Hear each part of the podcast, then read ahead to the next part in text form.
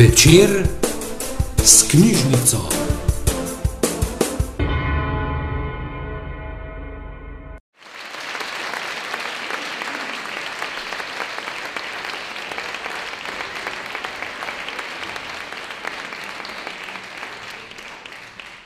Zdaj pa gremo nazaj k besedam in osrednji gosti današnjega večera, ki nam bo skozi svoje oči. Oči ženske, znanstvenice, raziskovalke in zdravnice na drugačen način predstavila svoj poklic in poslanstvo. Z nami je primarika Tatjana Dolenc-Veličkovič, doktorica medicine, specialistka razvojne ortopedije, ki je v okviru ortopedske službe ustanovila in vodila službo razvojne ortopedije za Gorensko regijo ter tako poskrbela, da smo bili Gorenci prvi v Sloveniji in med prvimi na svetu deležni možnosti zgodnjega odkrivanja in družinskega pristopa v obravnavi oseb z motnjami v razvoju. Še danes je aktivna na številnih področjih, tako doma kot po svetu. Je predavateljica, je inštruktorica in še bi lahko naštevali a nam bo več o vseh svojih vlogah povedala kar sama v pogovoru z Matjažem Erženom, direktorjem Škofjeloške knjižnice Ivana Tavčarja.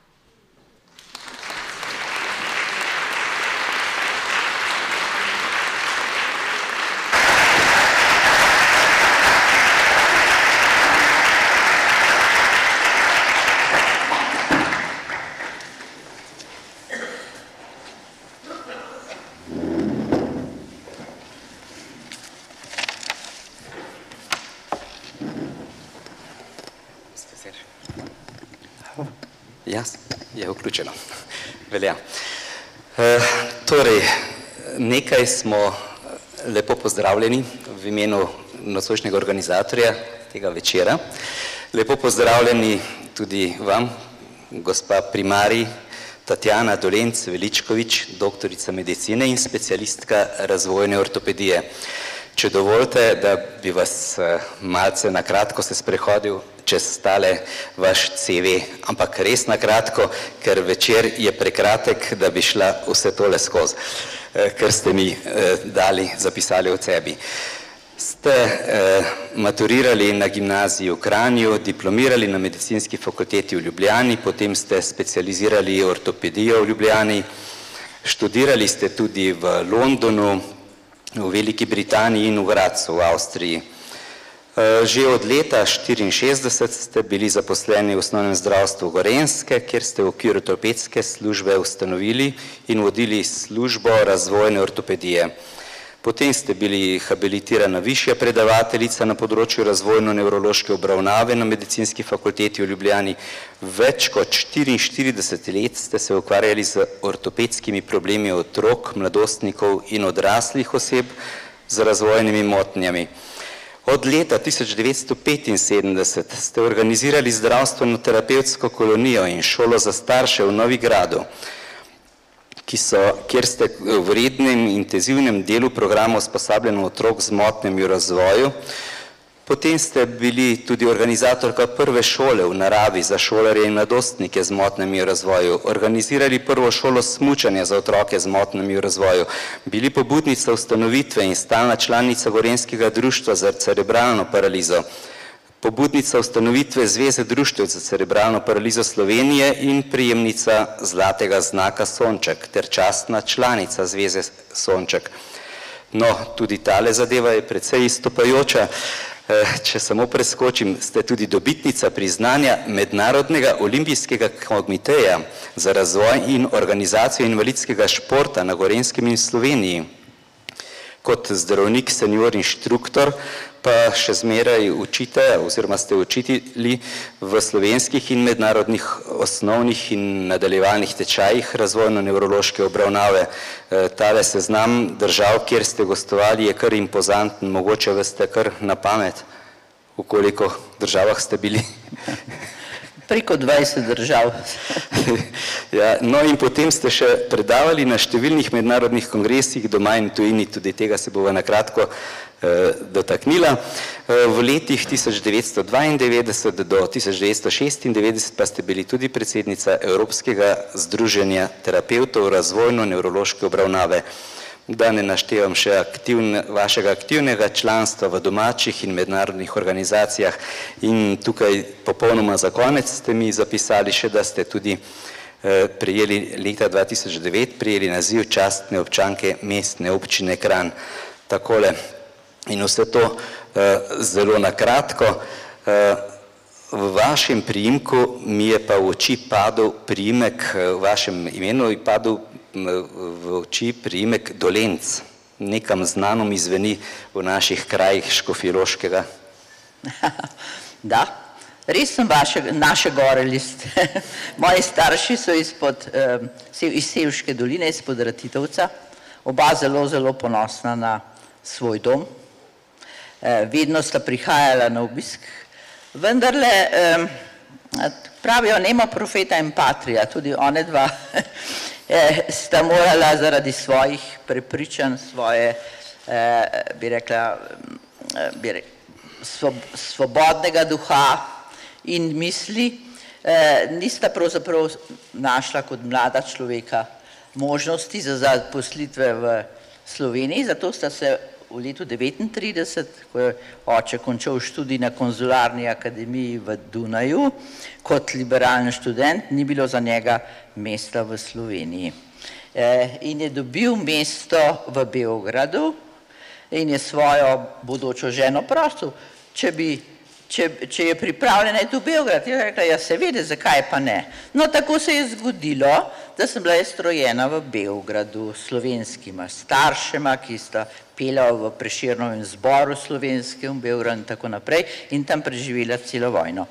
E, to dejstvo, za to dejstvo sem bila kaznovana, danes je dan žena, pa vam bom to povedala. Leta 2008 sem v Kranju, po 44 letih dela v Kranju, šla na občino eh, oziroma na upravno enoto za podaljšanje svoje osebne izkaznice. Veste, kaj se mi je zgodilo? Mojo osebno izkaznico so preluknjali iz preprostega razloga, ker sem bila rojena v Beogradu. Seveda sem bila ne bom rekla ogorčena, torej, eh, ampak sem se doma usedla za računalnik in napisala zelo eh, en dopis, ki ga imam tlele in sem vprašala eh, in sem vprašala sledeče. Po 44 letih dela kot zdravnica v Kranju sem še vedno sumljiva oseba, ki ne pripada osebna izkaznica, iz enega samega razloga, rojena sem bila v Beogradu. Dobro, pustimo to zgodbo, pa se srečno, eh, ampak torej bila sem izbrisana in še kako dobro jih razumem. Dobro, nas, torej po vsem nadaljem študiju bom sedaj povedala še drugo zgodbo. Torej, eh, gospa profesor je lepo govorila, da se žene pravzaprav moramo boriti za svojo Eh, za svojo enakovrednost.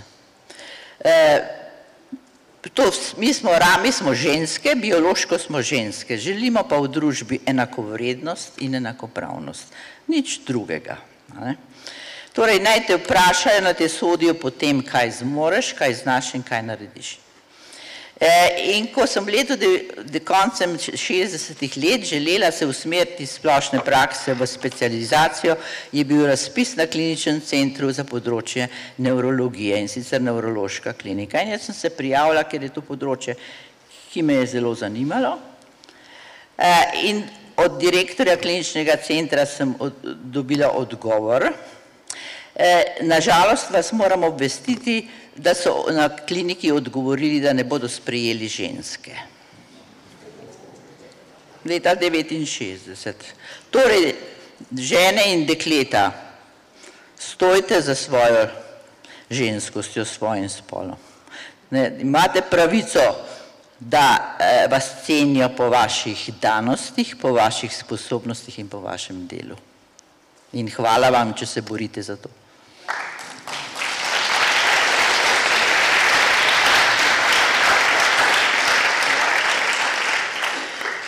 No, pa nadaljujeva, eh, hvala za te besede, pa nadaljujeva kar malo z vašim delom. Razvojna medicina, kaj naj bi to sploh bilo meni kot lajku, dokler ni žena pričela delati v ambulanti, mi je bilo to popolnoma neznano področje, poznamo običajno ortopedijo, vemo, kaj je eh, zobozdravstvo, kaj je recimo nevrološko, Eh, nevrolo, nevrologija, ampak kaj je to? Je to skupek Dobro. nekih znanj, povezave, interdisciplinarnosti, prosim? Ja. Torej, eh, čas, čas je četrta dimenzija prostora. Torej, v, di, v, raz, v, eh, v tem prostoru je tudi v nevrologiji čas četrta dimenzija. Torej, človek se, je, se razvija vedno kot celota celovito v okviru dednostne, danost, dednostnih pogojev in dejavnikov in pa seveda v okviru okolja, v katerem živi, vendar razvija za svojo razvojno starost specifične vedenske vzorce. Bistveno je celota, torej je čas še kako pomemben v medicini. Eh, da boste to razumeli, vsi veste, vsi poznate da odra, eh, človeka, ki ga je zadela kap. Kakšen je? V glavnem je mrt, torej je binano prizadet recimo gibalno po eni strani in pa kaj česa ne zmore govora. Torej, če se to dogodi v obdobju ploda ali po rojstvu, v možganih na istem mestu, v strukturi okvara je otrok, torej običajno govor ni prizadet. In to pomeni, da sam sistem plastičnosti, z možnosti prilagajanja, govor premesti na drugo mesto v možganih. Torej, Ni, ta otrok bo govoril, redki so tisti, ki imajo enostransko prizadetost otrok, ki tudi nimajo razvitega govora. Vidite, in to je ta dejavnik časa. Dejavnik časa, pa še kako vam je jasen dejavnik časa. Vidite, kaj danes govorimo? Glavni problem so čakalne dobe. Ja, seveda, če vas nekaj boli, kaj bi radi? Radi bi, da je ta trenutek ta problem razrešen, ne čez eno leto, čez tri leta ali celo še grozljivo dal. Torej je važno, kdaj začneš, kdaj začneš zdraviti. V medicini je čas izjemnega pomena. Zato se trudimo, zato smo razvili preventivo, da pravočasno, ko še lahko nekaj napravimo. Torej je tudi v razvoju je ta čas izjemno pomemben dejavnik. Če sem lahko dost ja, nazorno odgovorila. Upam, da so poslušalci nama lepo sledili. Mislim, da je bilo dost jasno povedano. Kje ste se pa, eh, to verjetno razvojna medicina, verjetno ni recimo temu vaš izum, ste se mogoče s tem že v času študija, ali kje ste to srečali, ja.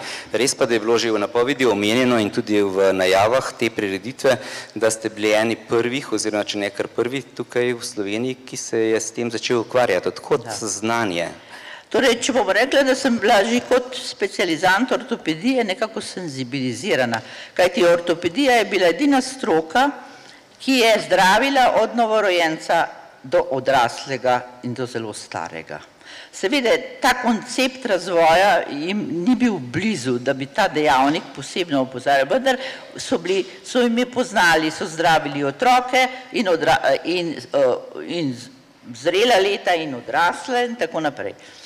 Vendar potem je se je pa dogajalo, da je, eh, torej je bil to razvojna neurologija, bom rekla, razvoj se je začel pravzaprav razvijati šele v zgodnih, tam nekje v 60 letih.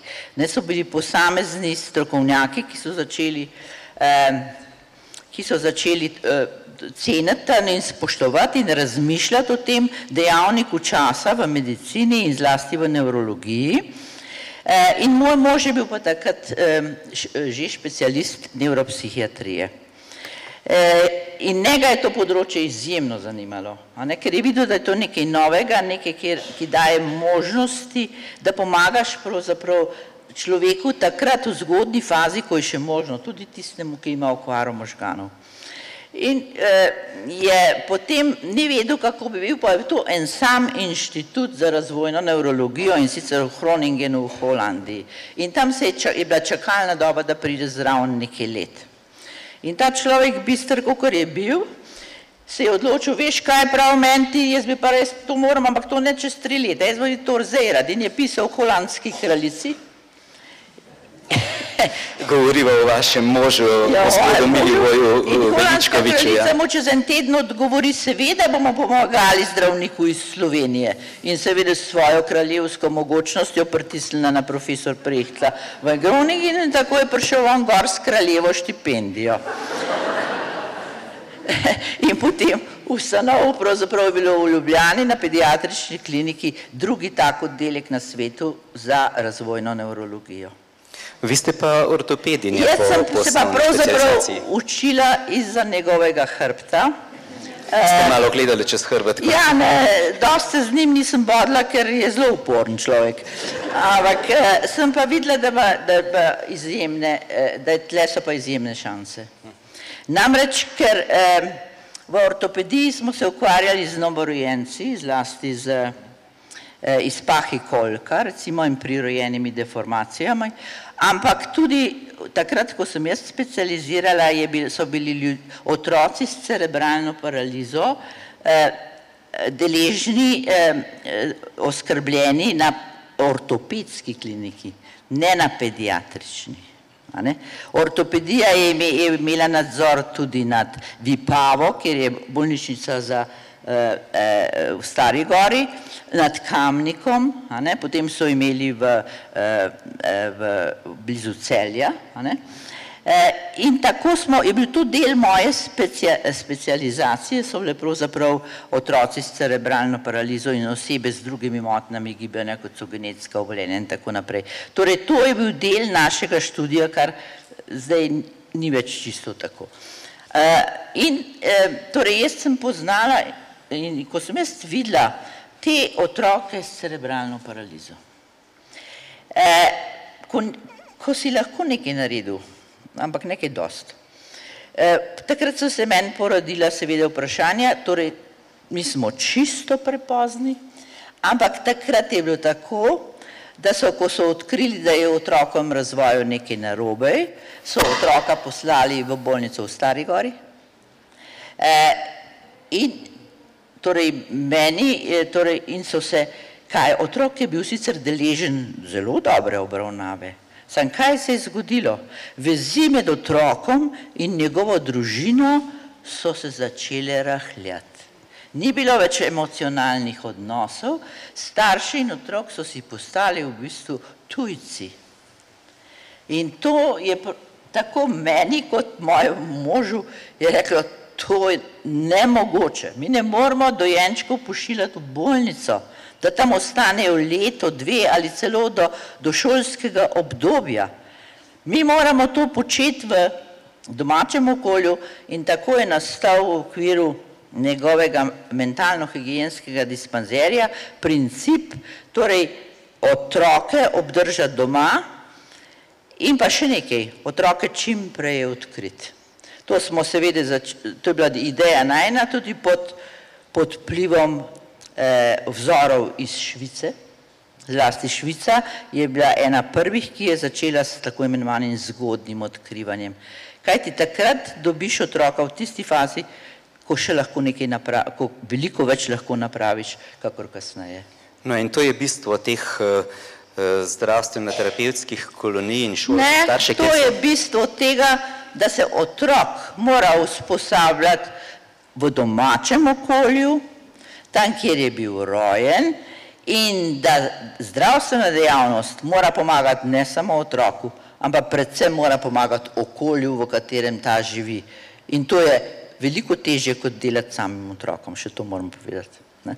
In zaradi tega smo videli, ne sa, in potem, če pomagaš, potem ga ti moraš postaviti, porint v življenje, na, življenjski tok, ne da ostane nekje na obrobju tega življenja, ampak da je del te skupnosti, da sodeluje, da je sprejet, ja, seveda, zato ga je pa treba funkcionalno usposobiti. In to čim prej ga začneš usposabljati, tem večjo stopno samostojnosti in ohranitev njegove osebnosti bo dosegel. To je bil pravzaprav naš, naša poanta. No, lepa hvala za tele eh, besede, tole razlago. Eh, predlagam pa, da narediva en kratek glasbeni intermeco, pa bi kar na odr povabil eh, učence glasbene šole Tjašo Jančič, Jureta Pavlišiča, Gabriela Debeljaka, Lucijo Rupar, Tjaša Svolšaka, eh, ki nam bodo zaigrali eno lepo na, skladbo na kitaro z naslovom Over the Rainbow v priredbi Denisa Kokalja.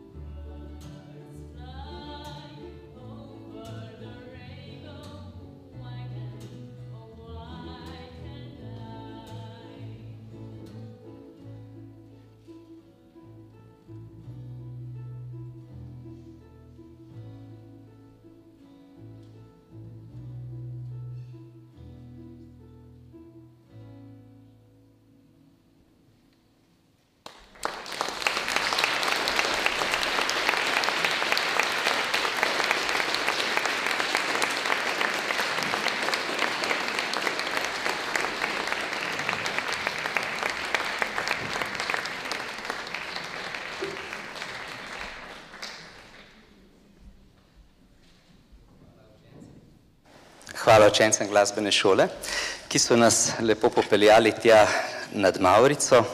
Midva pa se vrniva kar konkretnim primerom.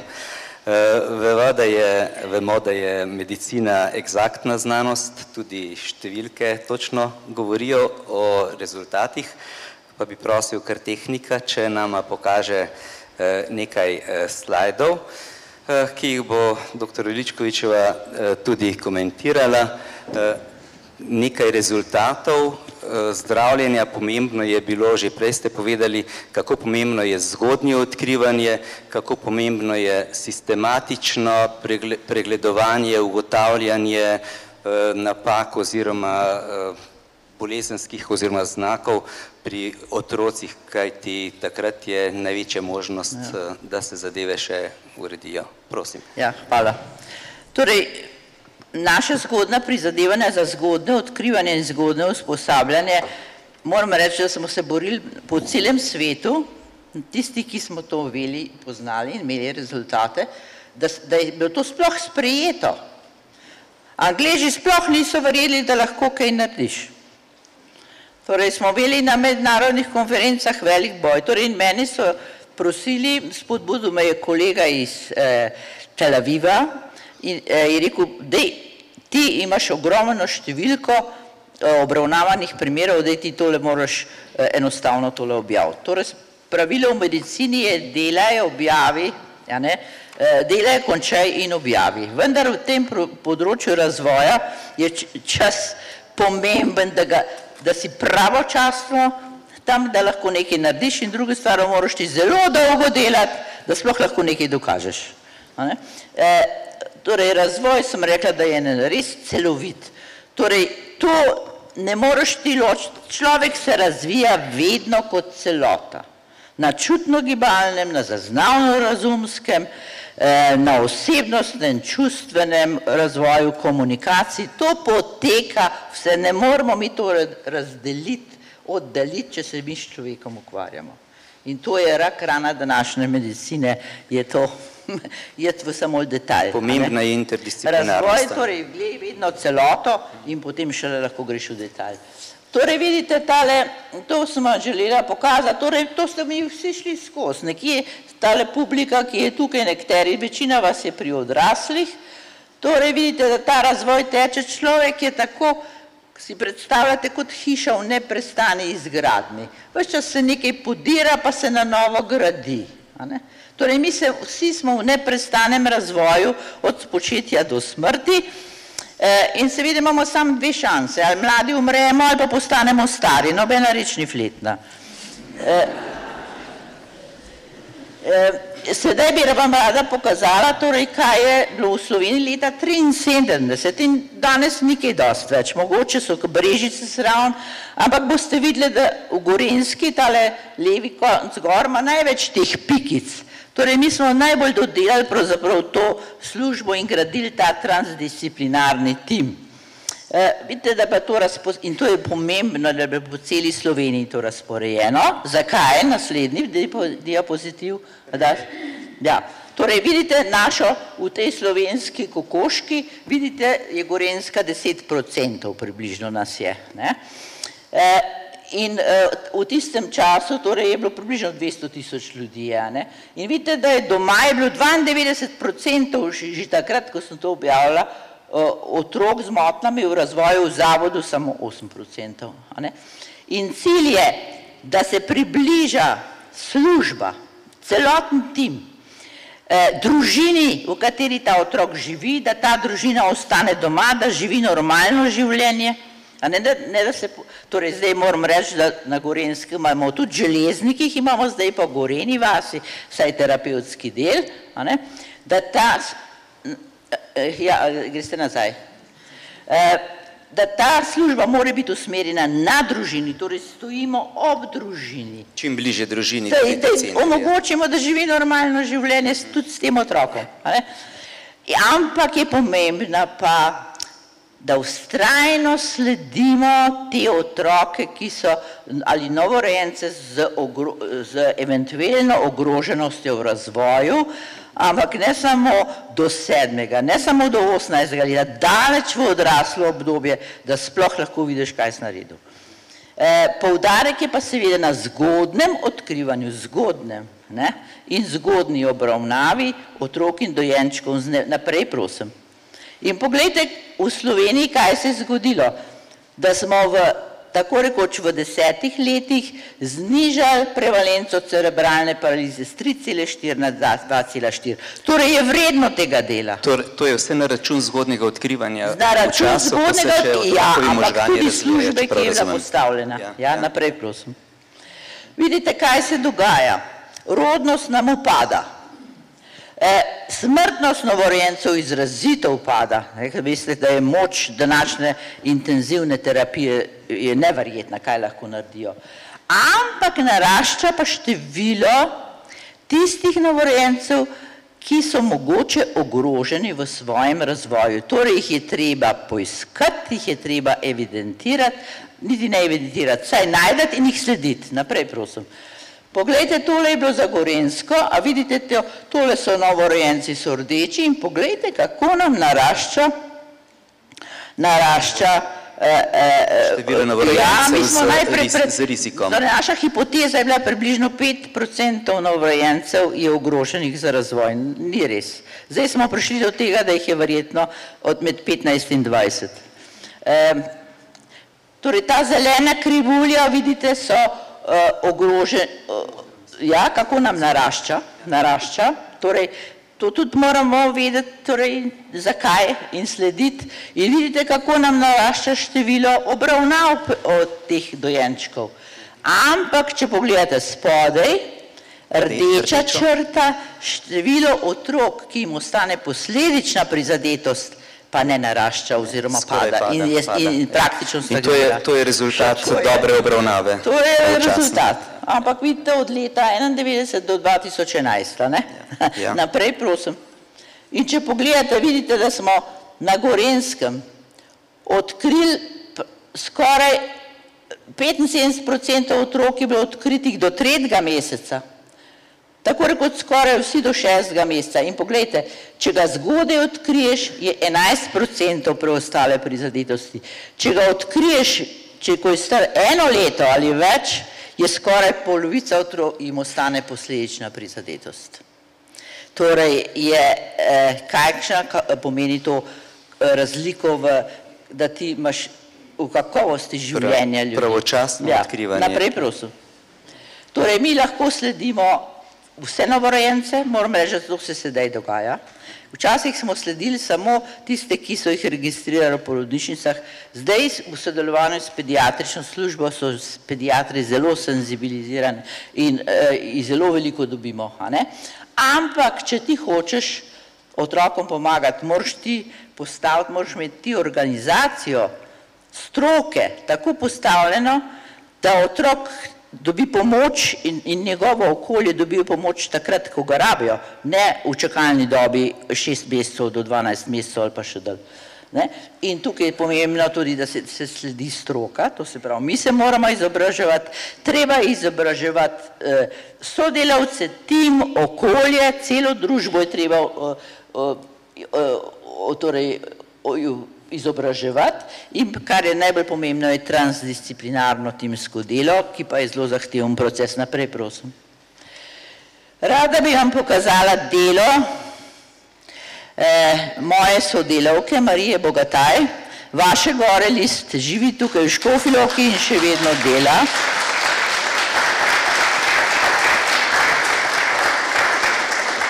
In sicer sem, sem obdelala do potankosti 491 otrok, ki, dojenčkov, ki jih je obravnala od leta 1978 do 2491 in poza, torej ne veste, koliko jih ima zdaj še. In torej, zakaj eno, zakaj eno, zakaj nisem vse, potem še eno? Zaradi tega, ker eh, način, kako one delajo, je odprt koncept. In če ti združiš vse otroke, vseh terapeutov, ne boš dobil rezultata. Tako da sem dobila, torej, delo enega človeka, ene osebe. In poglejte rezultat. 79% od teh otrok, ki jih je ona obravnavala, živ, je ž, lahko zaživelo normalno življenje. Ne rečem, da niso imeli neke minimalne, torej, da bi rekla strokovnemu očesu vidne težave, ampak torej, so živeli Normalno normalno življenje, življenje. 74, 15% mi je ostala samo posledična prizadetost cerebralne paralize, tam so pa 30% je pa tisti, ki so druga stanja kot prirojena stanja in genetska obolenja. Ki se jih ni dalo rešiti Ampak vidite, kaj se da, kaj en človek naredi, jaz bi najraž objela bi jo, slekička, da jo vidim, jo skoraj objamem. No, mogoče dobiti celo spomenik v ja, aleji Naprej nekoč. ja. Torej vidite, da se da, a ne, da se da. Na, samo treba je znati in treba je hoteti in treba je delati, a ne, in treba je sodelovati. In eh, vam povem, da če pogledate tega fantka, ki je tukaj le star 18 mesecev, a ne, in ki je bil rojen z 28 tedni in zahiranec in je 600 gramov komaj tehtal in dobili smo potem tole njegovo slikico, kjer je pisalo hvala za vse, kar ste storili zame. Ni večjega plačila. Ne za terapeuta, ne za zdravnika. Ja.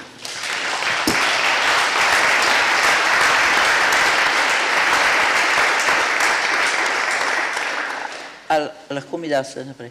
Torej, reši dojenčka.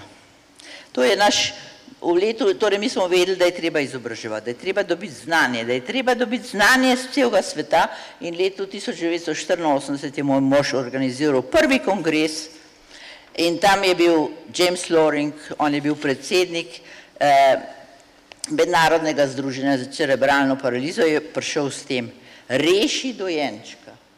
A ne? Jasno, torej zgodna, obravna, zgodna eh, diagnostika in zgodna obravnava, kar ni ločljivo. Naprej, prosim. Poglejte, 17 milijonov oseb s cerebralno paralizo živi po svetu. 350 milijonov je v direktnem kontaktu, torej prizadetih zaradi prizadetosti njihovega člana, njihovega, ki živi z njimi. V Sloveniji je 4 tisoč oseb s cerebralno paralizo. Aha, to pa ni mehna številka. A ne? In Amerikanci seveda, ki gledajo vse skozi denar, so zračunali, da je to najdra, najdražja prizadetost. Torej, a veste, kakšna ekonomska razbremenitev je v bistvu, če primerjaš, za, pravijo, ja, kako, toliko pa ne moramo imeti terapeutov, pa ne moramo imeti toliko zdravnikov, pa to stane. Ja, vraga. A, a, mislim, da je razmišljaj s trezno glavo. Če se ne? vrnemo na tist, eh, tisto projekcijo prej, koliko je bilo rešenih od 491, Ja. No, ker so predstavljajte. pravočasno Ja. odkriti in koliko skozi ameriške oči Ja, denar je ja, bilo lahko naprej mi prihranjeno. daste še. No, jaz bi rada se videti, ne veste kaj, človek, dobro, jaz delam že skoraj 58 let v zdravstvu, ampak vedno sem hvaležna svojim učiteljem.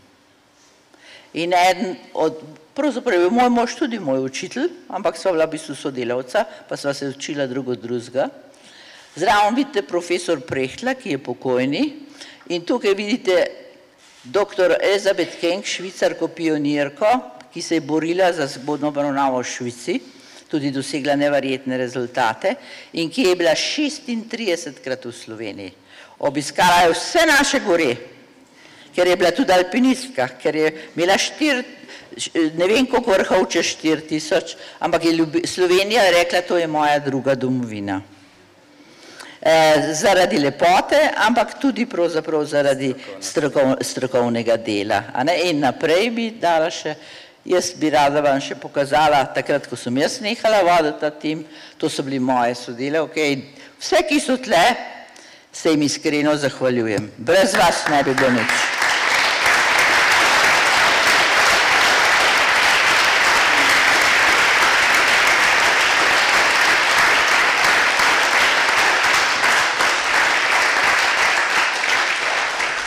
Brez vas ne bi bilo nič, predvsem pa ne bi bilo nič brez vas, doktor Veličkovičeva.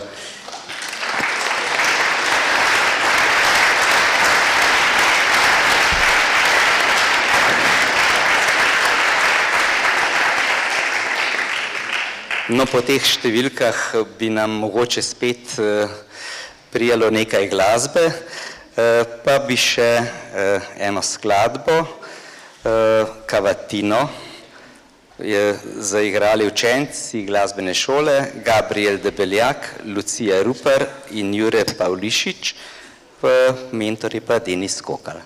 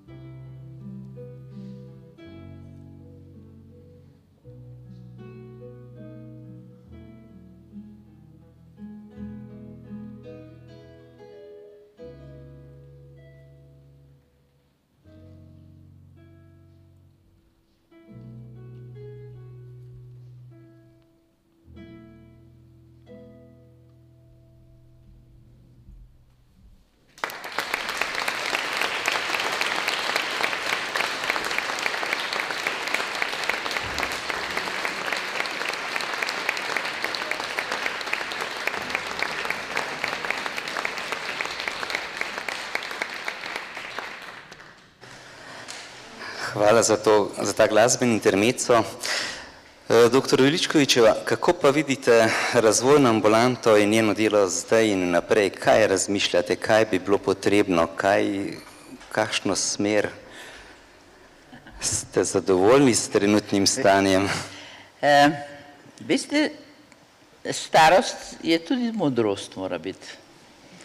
Torej, takrat, ko si ti upolnomočen, da ti lahko nekaj ustvarjaš in nekaj gradiš, ko pa nimaš več te možnosti, moraš biti pa dovolj razumen, da rečeš, uh, v redu, če te vprašajo in kaj misliš, imajo pa mladi pravico tudi po svoje graditi. Veste, medicina se spreminja uh, zelo hitro, zelo hitro napreduje. Ne? In je treba pustiti mladim, da razmišljajo po svoje in da vodijo po svoje. Seveda tudi pretok informacij ja. in znanja je hitrejši. Verjetno. Dobro, ja. bomo rekli, vsi so nasledili nekaj. Jaz nikoli ne kritiziram mladih, ampak včasih pa mislim, joj, joj, joj. E, zakaj zapravljaš stvari, ki so, ki so bile že zgrajene ne, in ki so dobro funkcionirale, zakaj ne gradiš naprej, zakaj hočeš se po svoje, ampak tako je. E, mislim, jaz, takrat, ko smo bili, veste, začet je pa res, ko gradiš ti nekaj in ko si pionir na nekem področju, je to ja. bistveno lažje. Bistveno lažje. Tudi družbeno okolje se je spremenilo. To je podobno kot pri gradbeništvu, graditi ja, novo stavbo ali ja, obnavljati staro, verjetno. E, pa potem pa tudi tak, nove stvari so interesantne, pa ljudi zanimajo, potem, ko je vse utečeno, je pa to stvar, potem stvar navade in medicina nikoli ne sme postati stvar navade. Veste, v medicini je toliko pasti eh, in eh, moraš biti zelo previden. Predvsem pa, torej, jaz sem vedela, torej, mi sami, mi smo se zdaj, jaz mi smo reči, da smo bili že groznih kritik z Ljubljane, pa tudi moj mož. Kaj si vi dovolite, imeti otroke doma, e, e, to, vi, vi, nimate, vi niste strokovno usposobljeni, to se dela sama, oja, Prvi, ki je mojega moža podprl, je bil pravzaprav eh, psiholog z Ljubljane, ja, ki pa rekel, ja, bom, mi bomo pa kar hodili v kran gledati, kaj delate. Dobro, puste to. Ampak jaz sem vedela nekaj. Vedela sem, da rabim zaledje, podporo. In kje iskati podporo? Podporo iščeš pri starših tvojih otrok, tvojih pacijentov, v okolju, kjer živiš. In zato smo vedeli, mi nujno rabimo društvo.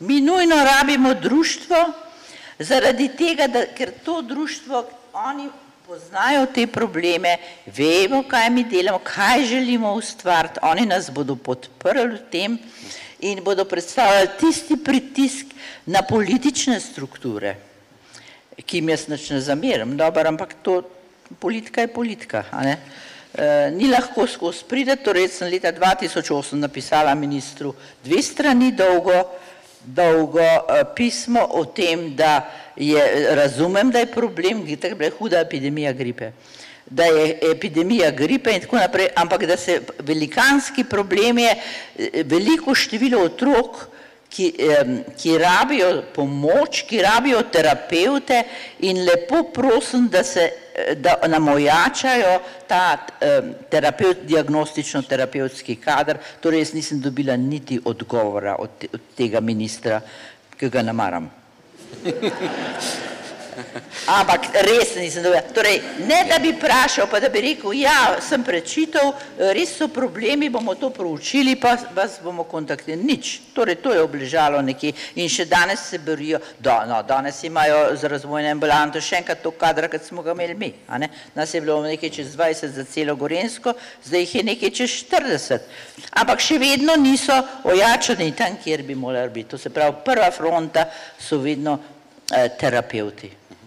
To smo videli tukaj na teh številkah. Ja, torej število neurofizioterapevtov imamo pravzaprav enako, kot jih je bilo takrat leta, leta na 2010, a ne pa 2005.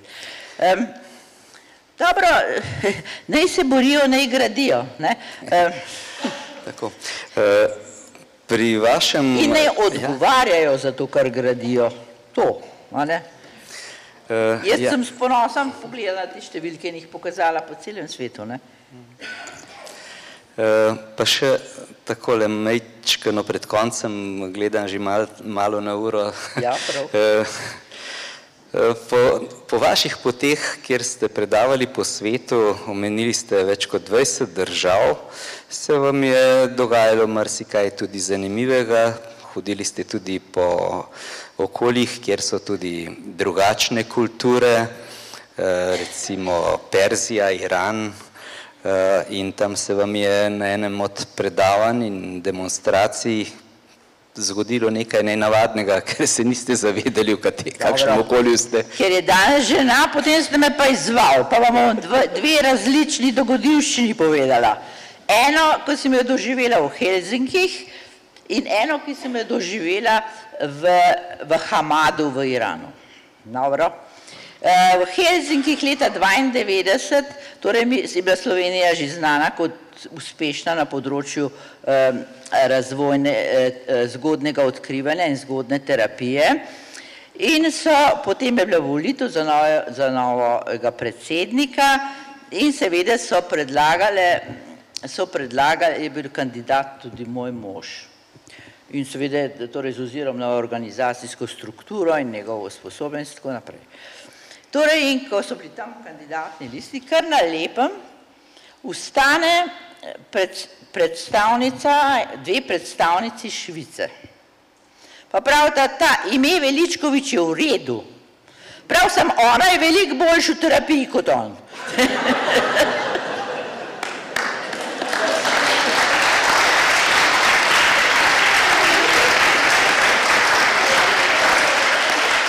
Torej, to je bila Skandinavija.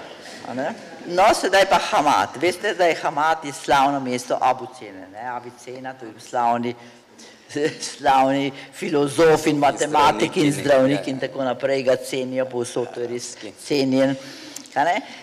In torej z možem sva potem, ko smo imeli v Teheranu predavanje, smo bili povabljeni tudi v druga mesta in v Hamad je zelo veliko mesto in zelo zanimivo mesto, staro mesto.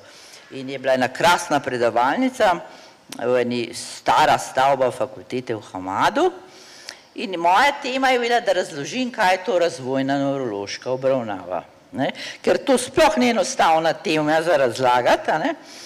Jaz to velikokrat praktično tudi pokažem, ne. In potem sem hotela pokazati, kako otroku daš čutno gibalno izkušnjo, ne.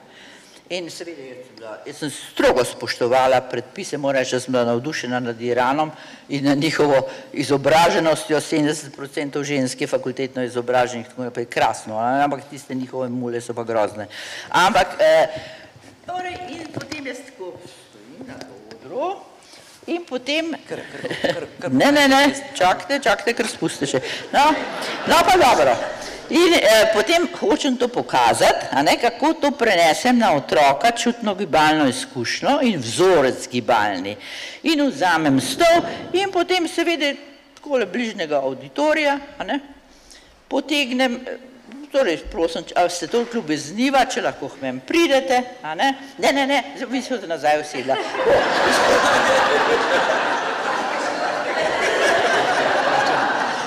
Samo povejte.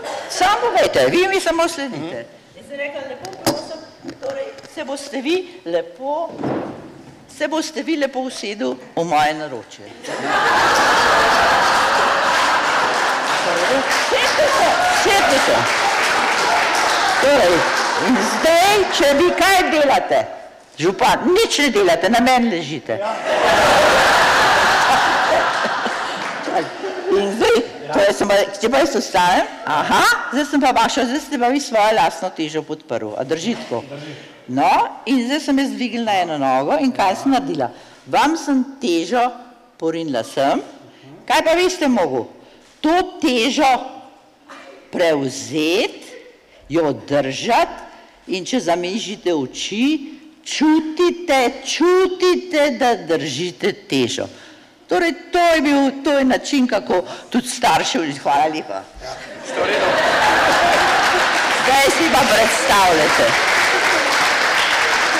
Iran, na eni strani so sedeli moški, na drugi ženske in jaz, da grabim ta prvega moškega pred mano In v dvorani je bila grobna tišina. Jaz začnem gledati, potem se pa ozrem proti mojemu možu, sem prestrašena, on se pa reži kot pečen maček. da si ženska dovoli vzeti naroče moškega pred auditorijem in to je bilo tako narodno. In moram reči, da sem se potem globoko opravičevala in se rekla, ne oprostite, da me je zaneslo v svojem eh, zagonu predavateljice in da nisem to za nalašč naredila, da me lepo oprostijo, ampak resnično me je bil sram.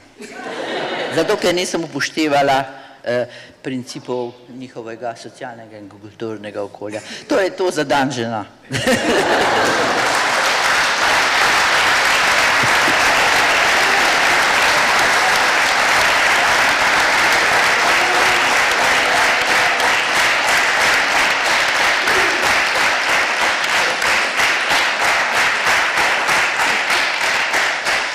Torej, vidite, koliko dela imajo Iranke. Trenirajo, ne? Pa tudi mi. Boste videli. Dobro, doktor Veličkovič, prav lepa hvala tudi za to demonstracijo. Predvidevam, da se bo gospod Župan to zapomnil pri prenašanju teže iz leve na desno, ki je veliko krat potrebna tudi v političnem življenju, ampak bistvena je pa poravnava. Če uporabim vaš izraz. Ja, ja. Eh, No, ker nas še že malo priganja, bi pa še enkrat za konec povabil glasbenike glasbene šole Škofja Loka, ki nam bodo igra, odigrali še priredbo Denisa Kokalja in sicer skladbo z naslovom Aqua de Beber. Prosim.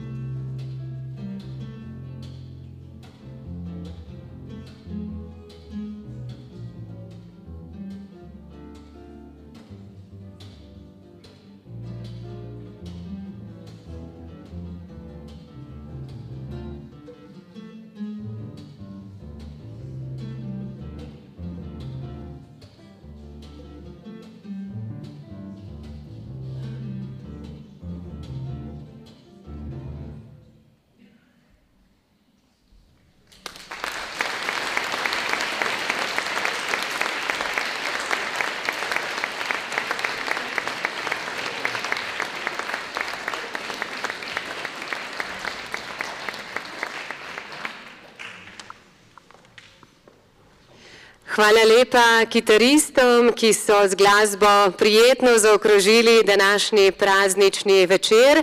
Večer, ki so ga v poklon ženskam pripravili Škofjeloška občina, območni javni sklad za kulturne dejavnosti, Zavod 973 in knjižnica Ivana Tavčarja. Hvala lepa za izjemen pogovor in za krasen večer, pa velja tudi primariki Tatjani Dolenc-Veličkovič in Matjažu Erženu, direktorju Škofiloške knjižnice Ivana Tavčarja. Zaslužite si še en aplaus.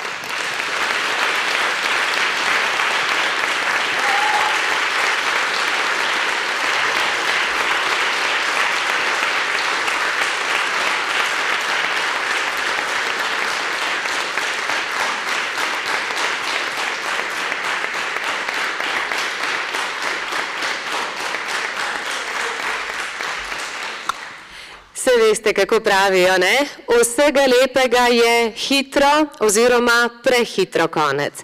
Ker pa današnjega večera ne želimo prehitro končati, smo željo, da bi ga še malce podaljšali, pripravili prijazno povabilo na ogled razstave črte in črtice, dobimo se skvačko ter oblikovanje z glino pa pripravili tudi eno manjše presenečenje s povabilom, da si vzamete danes čas za klepet in prijetno druženje, ter se tudi na ta način skupaj z nami poklonite našemu dnevu, dnevu žensk, s katerim obeležujemo dan ekonomske, politične in socialne enakopravnosti ter dosežkov žensk, pa tudi dan, ko se spomnimo na to, da je biti ženska nekaj lepega, da je to hkrati poslanstvo in privilegij.